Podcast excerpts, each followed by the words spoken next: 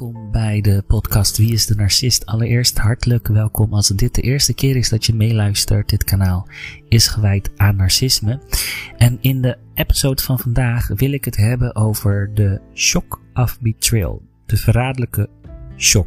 En dit is een, uh, een shocktoestand, zeg ik dan maar, tegen het einde van een relatie met zo'n narcist. Uh, zie je de werkelijke karakter van de narcist. Je wordt wakker geschud als het ware. Want eigenlijk, onbewust weet jij dat die relatie met de narcist altijd slecht is geweest. Onderbewustzijn weet je dat. Je onderbuikgevoel, je heeft je altijd al gewaarschuwd. Maar meeste mensen die blijven in een relatie met zo'n narcist door de manipulatietechnieken die de narcist toepast. De eindeloze manipulatietechnieken van projectie, gaslighting, de stiltemomenten de momenten waarin wordt getrianguleerd en dergelijke. Al, alles, al die tactieken die de narcist gebruikt om ervoor te zorgen dat jij zo lang mogelijk bij die narcist blijft en de narcist controle, macht heeft en het misbruik zo lang mogelijk kan laten gebeuren. Jij als persoon die in zo'n relatie heeft gezeten met een narcist, jij klampt je vast aan die hoop van verandering. je denkt van de narcist die zal wel veranderen. Of de narcist die uh, geeft jou wat broodkruimels hier en daar. Hij doet toch wel iets, of zij doet toch wel iets goeds, hè? Maar dat zijn eigenlijk maar hele kleine broodkruimeltjes die die narcist geeft om jou uh, te laten voelen van uh, hier, je krijgt af en toe een, een beloning. Alsof je het moet verdienen, de affectie van een narcist. Een narcist die geeft natuurlijk niet, geen liefde aan jou. Hè? Het is ook geen liefdevolle relatie. Maar goed, die shock, dat gebeurt dus het moment dat je wakker geschud wordt en zegt van nou is het genoeg en nou zie ik wie je bent, heeft ook heel veel emotionele impact, zowel lichamelijk aan jouzelf.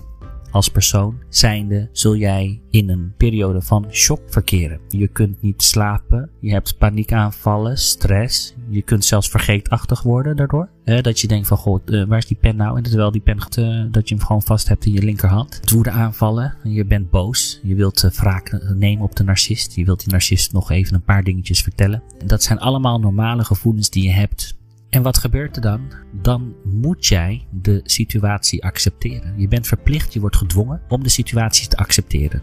Accepteren wat er is gebeurd, wat er werkelijk is gebeurd met jou en met de narcist.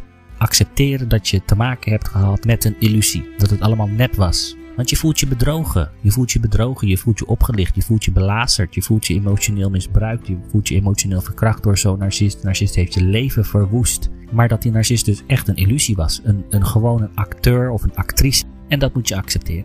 Daar begint het omdat heel veel mensen schamen zich ervoor om er ook over te praten. Omdat ze bang zijn beoordeeld te worden door mensen. Nou, laat die mensen jou lekker beoordelen. Ze dat doen, maakt niet uit. Meestal zijn dat de mensen die ontzettend nieuwsgierig zijn, komen dan naar je toe van wat is er gebeurd, ik heb dit gehoord, ik heb dat gehoord. Die willen gewoon de juicy details weten, de roddels willen ze weten, ze willen nieuwsgierigheid bevredigen. Van die mensen moet je het niet hebben. Je moet het hebben van de mensen die dicht bij je staan. de mensen die je vertrouwt. Daar moet je mee beginnen. En daar moet je aan proberen uit te leggen wat er met jou is gebeurd. Heel vaak is het natuurlijk ook zo, dat, ik zeg altijd, je, kan, je kunt niet al die, eh, je ziet op internet heel veel video's en dergelijke. En heel mooi hoor, want het kan voor iemand, voor, voor de een kan het goed zijn en voor de ander misschien niet. Het ligt echt aan je situatie. Maar ik zeg altijd, zoek zoveel mogelijk op aan informatie. En, of ga naar, in therapie of naar een psycholoog of wat dan ook. Als, als dat voor jou helpt, doe dat. Maar in ieder geval, doe er wat aan. Blijf niet in het slachtofferrolletje zitten. Je bent slachtoffer geweest. Je moet je leven weer op kunnen pakken. En alleen jij kan dat doen. Jij bent degene die, er, die jezelf als prioriteit nummer 1 kan zetten. Iedere situatie is anders. Misschien is het zo dat jij een, uh, een relatie hebt gehad met een narcist en er zijn kinderen bij betrokken. Of het is een vriend of een vriendin. Of het is je broer, het is je zus, het is je vader of het is je moeder die narcist is. Dus iedereen gaat er anders mee om. Of maar dit is wel de eerste stap. Uh, als jij erachter komt dat je, dat je te maken hebt met iemand die giftig is, dan is sowieso het eerste wat er gebeurt, is die shock die komt. Je wordt wakker geschud. Dat is het allereerste wat er altijd gebeurt en dat zal bij niemand anders zijn. Het is bij iedereen hetzelfde. Op dat moment, die eerste paar weken na die shock, dat je wakker geschud wordt, zei ik al, je, je gaat van alles voelen, emotioneel. Zoveel ga je voelen. Je bent gewoon heel even de weg kwijt. Dat is heel normaal. Je gaat zelfs zo ver dat je denkt van, goh, ik ben vergeetachtig aan worden. Ik ben echt vergeetachtig aan worden. Of je bent dement aan het worden. Dat zijn allemaal gedachten die opkomen. Want je, maar het kan. Als dat gebeurt, voor de zekerheid even naar de dokter gaan of wat dan ook. Maar ik heb van mensen gezien dat mensen zeg maar op internet gaan zoeken van, ik ben dement aan het worden. Door dat shock effect. Nou, in ieder geval, wat ik aanraad is om heel veel op te schrijven. Want die woedeaanvallen, die wraakzuchtige gevoelens die je hebt, die moet je van je afschrijven. Heel vaak willen mensen dat nog even opsturen naar zo'n narcist en denken van ik ga het toch even naar die narcist sturen. Ik wil toch die narcist nog even iets laten weten al de drama, bullshit en al de pijn die ze me hebben gegeven. Ik wil dat toch even, ik wil ze dat toch nog even vertellen. Het beste is om dat niet te doen. Het beste is om het op te schrijven. En net te doen alsof je het misschien naar die narcist stuurt, maar voor jezelf houdt eigenlijk. Dan zul je zien, als je dat doet, na een paar dagen, dan denk je, jemig, dat was toch best wel goed dat ik dat uh, niet heb gestuurd naar zo'n narcist.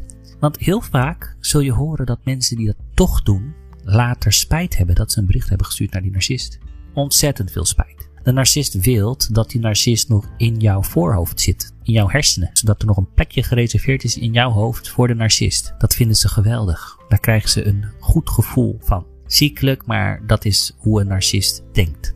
Schrijf gewoon in zo'n boekje van hoe je je voelt. Je schrijft de, de pijn die je voelt, de pijn die je hebt ervaren, de leugens van de narcist. Alles wat je maar wilt opschrijven, schrijf je op in dat boekje. En je hoeft het niet eens terug te lezen. Als je het maar opschrijft, je hoeft het niet terug te lezen, maar meer als een reminder van dit overkomt me nooit meer. En daarnaast praat erover. Praat erover, zoals ik zei, met, uh, met mensen om je heen die dicht bij je staan. Niet met gewoon even een kennisje of een kennisje hier, een kennisje daar. Want die willen alleen maar de juicy details weten. Die willen alleen maar de gossip weten. Speel de tea, weet je. En uh, vertel maar allemaal uh, al die uh, lekkere roddeltjes en zo. Dat moet je niet doen. Dat heeft geen, geen enkele nut. En het, het, doet ook niks aan jouw heling. Wat, wat ik ook altijd aanraad is zorg ervoor dat je je afleidt. En dat is moeilijk. Want dan denk je, nou dan ga ik even een filmpje kijken.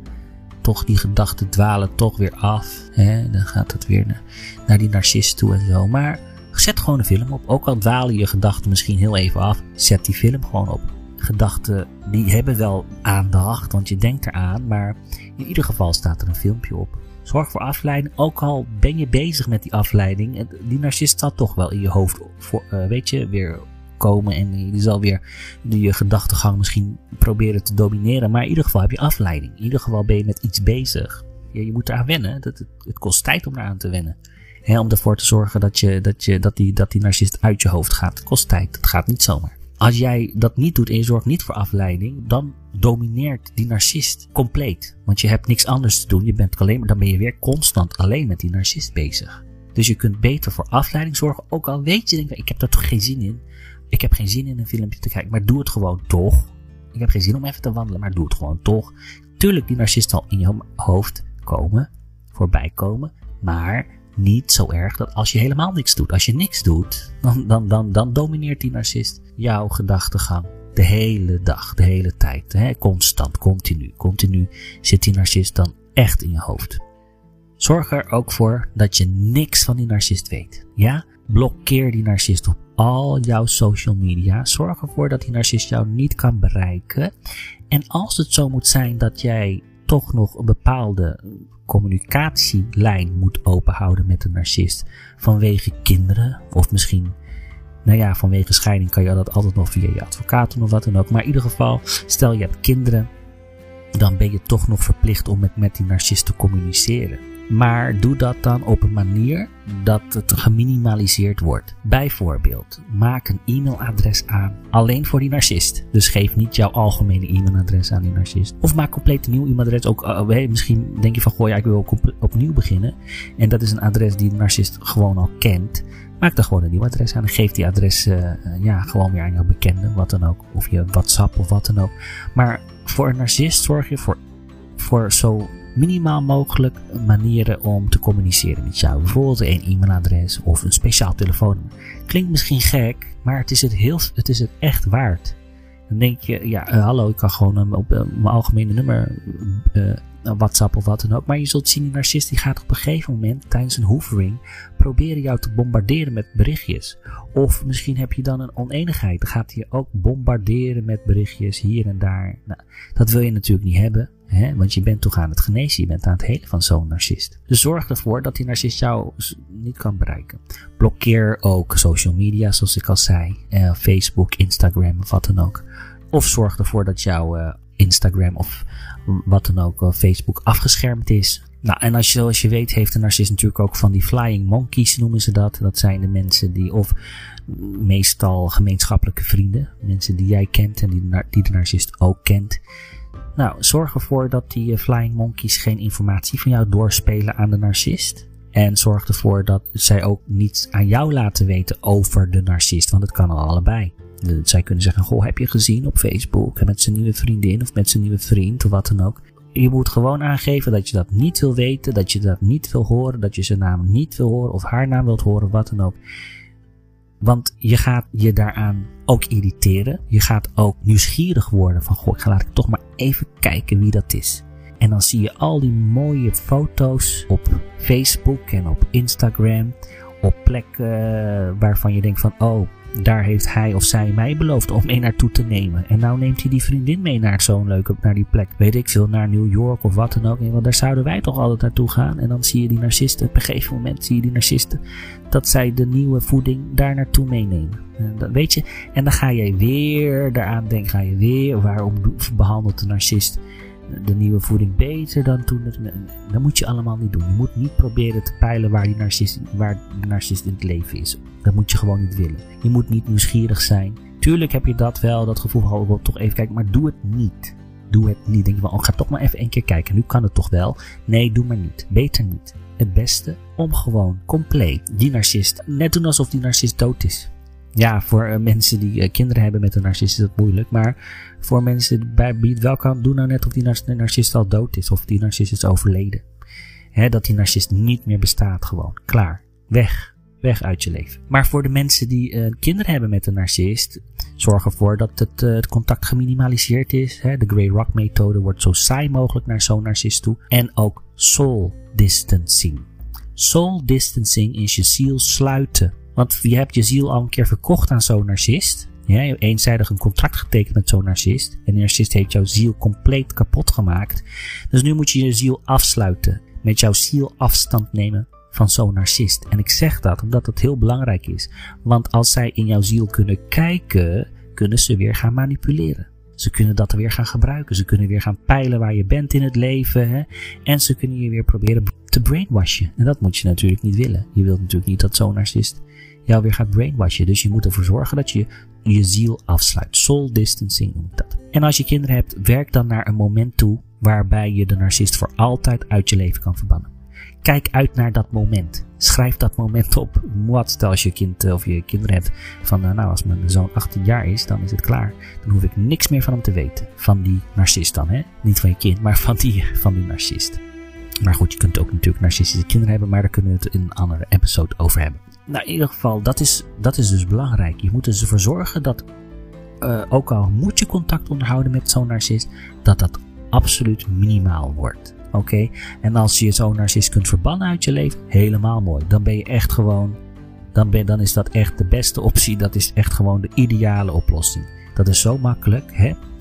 Maar soms heb je ook vriendschappen met een narcist die, hè, en dan heeft zo'n narcist kinderen. En dan heb je toch een bepaalde band met zo'n kind van de narcist, maar het is jouw kind niet. Oké, tuurlijk hou je van dat kind en je wilt het beste voor dat kind, maar jij hebt zelf misschien geen eens rechten om dat kind te zien. Hè?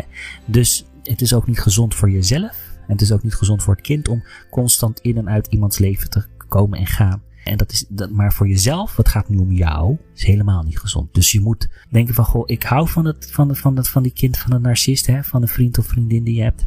Maar het is jouw kind niet zal jouw kind ook nooit worden. En het, zo is het echt. Je kunt gewoon niet, je kunt het niet veranderen. Je kunt niet zorgen dat het kind, ja, ik bedoel, als je contact wilt houden met die narcist, denk wel, ja, alleen maar omdat kind onderhoudt in contact. Dat is helemaal niet gezond voor jou. Want een narcist verrijkt je leven niet, verziekt je leven alleen. Dat weten we allemaal wel. En op een gegeven moment, als jij door deze heling, genezingsproces gaat, zul je ook zien dat je veel assertiever gaat worden. Je bent uh, ook meer bewust van tijd. Je bent bewust van de tijd. Je bent bewust ook van de tijd die je hebt verloren natuurlijk. En voor mensen die in een huwelijk hebben gezeten met een narcist van tientallen jaren, die denken van ik moet de tijd inhalen. Dat kan. Je kan dan het gevoel hebben van nou ik moet geen tijd meer verspillen nu. Ik moet nu echt genieten van de tijd die ik heb. En dan zul je ook ontzettend veel, heel veel bewuster worden van de tijd. Je zult ook ontzettend veel, je zult assertiever worden. Uh, je zult ook uh, makkelijker werken aan jouw ambities en aan de goals die je hebt. Je zult ook makkelijker zorgen dat niemand jou zomaar eventjes afleidt van jouw goals. Je zult ook geen tijd investeren meer in zulke mensen, want je denkt nou die mensen die hebben totaal geen enkele uh, nou, die verrijken mijn leven niet en die, die steunen me niet en we steunen elkaar niet. Dus dan weg de been. Dat zul je heel vaak zien. Dat is ook heel normaal. Want je denkt van, uh, ja, doe je. En dat is ook goed voor jezelf. Dus zie het maar als een transformatie. Dat is niet iets slechts. Dat is, dat is ook goed. Je zult ook zien dat je dingen gaat doen die je normaal misschien niet zou doen. Waar je misschien normaal voor verlegen bent. Dingen out of your comfort zone, zeg maar. Dingen die, uh, waar je van denkt van, goh, dat, ik had nooit gedacht dat ik dat zou doen. Dat gebeurt heel vaak. En doe dat dan ook. Hè? Doe dat lekker ook gewoon. Hè? Dat is goed voor je. Wat, wat, je. wat jou blij maakt, alles wat je happier maakt, doe dat gewoon. En je merkt ook op een gegeven moment dat je meer stabiliteit hebt. Je vindt je persoonlijkheid weer terug, wie je bent. En je zult ook uh, zien dat je in harmonie leeft. Je zult zien dat je leeft in vrede. Tuurlijk gebeuren er heus wel dingen in je leven, maar, maar met, een, met, met een gezond verstand. Uh, dingen die opgelost kunnen worden. Hè? Dingen die, die nooit, kon nooit met een narcist in een twee in dialoog gaan. Het is altijd eenzijdig. Het is altijd een narcist. En, en nu merk je dat je dat wel kan. Je, kan je, je hebt voldoening uit gesprekken met vrienden. Hè? Ja, als je uitgaat of wat dan ook. Hè? Het is niet zo zwaar. Het is, voelt niet negatief. Net zoals bij, als, hè, als je met een narcist omgaat, mensen die narcisten in hun leven hebben gehad, die weten hoe ontzettend veel energie het vreet aan jou. En, hoe, en, en dat je nooit een voldoening hebt als je met een narcist hebt gesproken. Het is altijd, blijft altijd zo zwaar op je hangen. Het blijft altijd zo zwaar op je zitten. Die narcist zit maar in je kop, in je hoofd. Ook heb je misschien maar één uur eh, met, die, met die narcist eh, besteed. Maar die narcist blijft nog uren in je hoofd zitten. Of dagen soms zelfs. Hè. Terwijl je met een normaal persoon, of een normaal vriend of vriendin, die, uh, waarmee je even lekker gaat lunchen, dan heb je toch voldoening. Lekker weer even bijgekletst, hè, en dat soort dingen. En wat er ook gebeurt is natuurlijk, je gaat grenzen stellen. En ik zeg altijd dat grenzen goed zijn. En dat, uh, maar je kunt niet altijd de grens, dezelfde grens toepassen in het algemeen op ieder persoon die je tegenkomt. Dat kan niet. Je kan, het beter, je kan beter werken aan wederzijds begrip. Want wederzijds begrip is de sleutel naar verandering zeg ik altijd. Omdat uh, een grenzen die je aangeeft, is goed hoor. Hè, uh, bepaalde grenzen, die moet je gewoon toepassen over het algemeen. Hè. Ik ben meer iemand die grenzen aanpast aan de persoon die ik voor me heb. Dus ik, customize, customize boundaries noem ik ze. Hè, gecustomized grenzen. Die persoon die jij voor je hebt, is, staat misschien heel anders in het leven nog. Die moet misschien nog zoveel leren. Dus je kan beter uh, meer werken aan wederzijds begrip dan overal maar grenzen, grenzen, grenzen toepassen. Want dan ben je eigenlijk als het ware, oh ja, ik zeg niet een muur aan het bouwen voor jezelf, maar dat kan. Je kan ook, het kan, het kan ook een, een opposite effect hebben. Kan ook backfire. Uh, maar dat, da daarom zeg ik, werk liever aan jouw wederzijds begrip. Dat is namelijk de sleutel naar verandering. Ja, en ik vind het belangrijk om ook, uh, naast dat ik episodes maak over narcistisch gedrag, narcistisch misbruik en dergelijke, maak ook dan episodes waarin ik uh, ja, mensen tips geef of advies geef van hoe je kunt helen en wat je kunt verwachten tijdens zo'n genezingsproces van, uh, na narcistisch misbruik. Ik vind het ontzettend belangrijk om dit met jullie te delen, zodat jullie zelf kunnen zien of kunnen, meer kunnen begrijpen wat narcistisch misbruik is en wat voor impact het heeft op slachtoffers. Hè, en, wat het, uh, en wat je eraan kunt doen. Want ik zeg altijd maar iedere minuut die je met een narcist verspeelt is verspeelde tijd. Sommige mensen hebben jarenlang een relatie gehad met een narcist. Ontzettend veel tijd verspild aan zo'n narcist. En ja, die, die zijn heel vaak dan nog boos. En die blijven ook in, dat, in die bittere, in het slachtofferrol. En ze blijven zo bitter. En dat snap ik heel goed. Want het is voor iedereen, zoals ik zei, alt. Het is voor iedereen anders. Iedereen ervaart het anders. Of iedereen heeft te maken met een andere soort narcist. Want je hebt natuurlijk zoveel soorten narcisten. Soorten. Net zoals mensen komen ook in allerlei niveaus op jouw pad. En een narcist is ook zo. Een narcist komt ook in bepaalde vormen, niveaus. Maar het is natuurlijk belangrijk dat je uit dat slachtofferrol komt. Je moet niet constant het slachtoffer blijven. Je moet ervoor zorgen dat je er als winnaar uitkomt. Niet voor de narcist, maar voor jezelf. Het is voor jouzelf belangrijk om er als winnaar uit te komen. En het is belangrijk zodat je je leven weer kunt oppakken. Het is jouw leven. Het is jouw leven. Jij bent verantwoordelijk voor jouw leven. Niemand anders is daarvoor verantwoordelijk. Ook niet de narcist.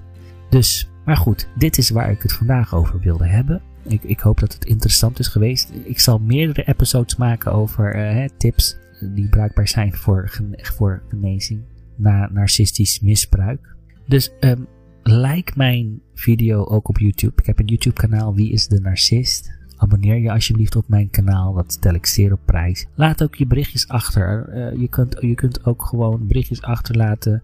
Deel je ervaring, of misschien zeggen we: Goh, wil je het misschien hierover hebben, over, of, of over dat onderwerp hebben? Dan uh, behandel ik dat graag in een volgende episode. In ieder geval bedankt voor het luisteren voor vandaag en tot de volgende keer.